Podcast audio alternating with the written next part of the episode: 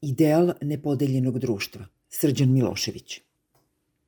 Ana Brnabić ime i prezime političkog besmisla i besmislenosti politike u Srbiji. Posle nekoliko godina provedenih u središtu politike nije stekla ni minimum političke kulture, ali jeste beskonačnu količinu arogantnosti i ničim neopravdanog samopouzdanja. To su ostalom kompatibilne pojave. O njenom političkom profilu već je sve rečeno i jednostavnost te strukture odavno ne zavređuje posvećivanje pažnje bilo čemu što Brnobić izgovori ili uradi. Sa druge strane, reč je o osobi koja se nalazi na čelu takozvane vlade i nemoguće je sasvim ignorisati njenu patetičnu pojavu. U svojoj najnovijoj manifestaciji ta se pojava izrazila sledećom tvrdnjom.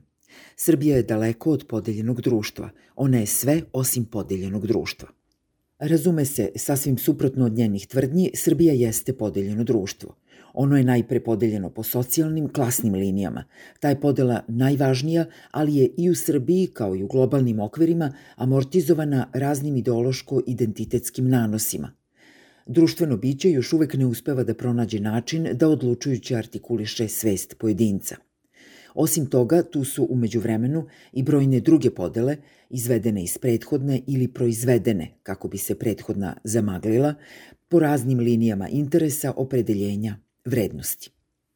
Savremeno liberalno-kapitalističko društvo je duboko podeljeno i ono ne može biti drugačije. Jedino pitanje je na koji način se njegove brojne unutrašnje podele artikulišu, kako se konflikti razrešavaju, kako se u tom brojnim linijama podeljenom društvu postižu kompromisi i u vezi sa kojim pitanjima se podele da kako veštački stavljaju na stranu.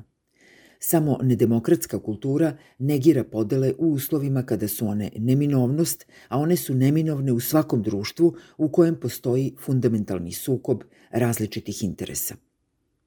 Pretpostavimo da je Brnabić mislila na političke podele pošto je kao argument odsustva podeljenosti navela izbore, na kojima konstantno pobeđuje Vučić sa svojom družinom. Na stranu sada notorna činjenica da na izbore izlazi samo deo birača.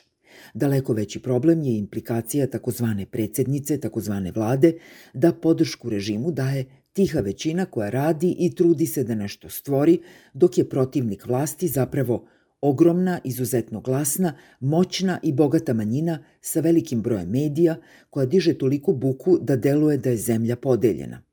Pitanje koje se logično nameće je da li je postojanje manjine uopšte dopustivo kada je ta manjina onakva kakvu je Brnabić opisala. Iz njene perspektive očigledno nije.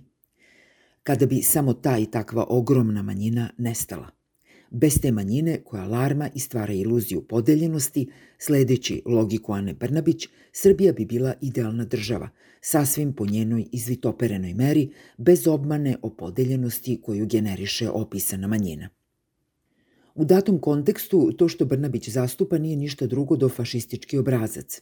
Iako je reč o osobi koja je blaženi neznalac ničega, subjekt autentičnog nerazumevanja demokratskih principa i uopšte idealno slobodno od prisustva bilo čega što bi predstavljalo političnost u javnoj delatnosti, ono što njenim rečima daje težinu jeste okolnost da je, baš takva kakva jeste, Brnabić najjasniji simptom patologije političkog života u Srbiji politička tabula raza, neko ko u svom političkom sazrevanju kreće od nule, stasava u Srbiji upravo na način na koji se razvijala javna ličnost takozvane predsednice takozvane vlade, ka antipolitičnom, antidemokratskom, antipluralističkom i antipravnom svetonazoru.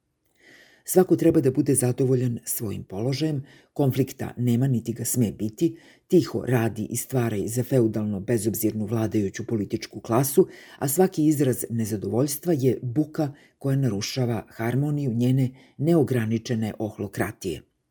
Zaista ne prestajem da se pitam šta oni misle čemu sve ovo vodi.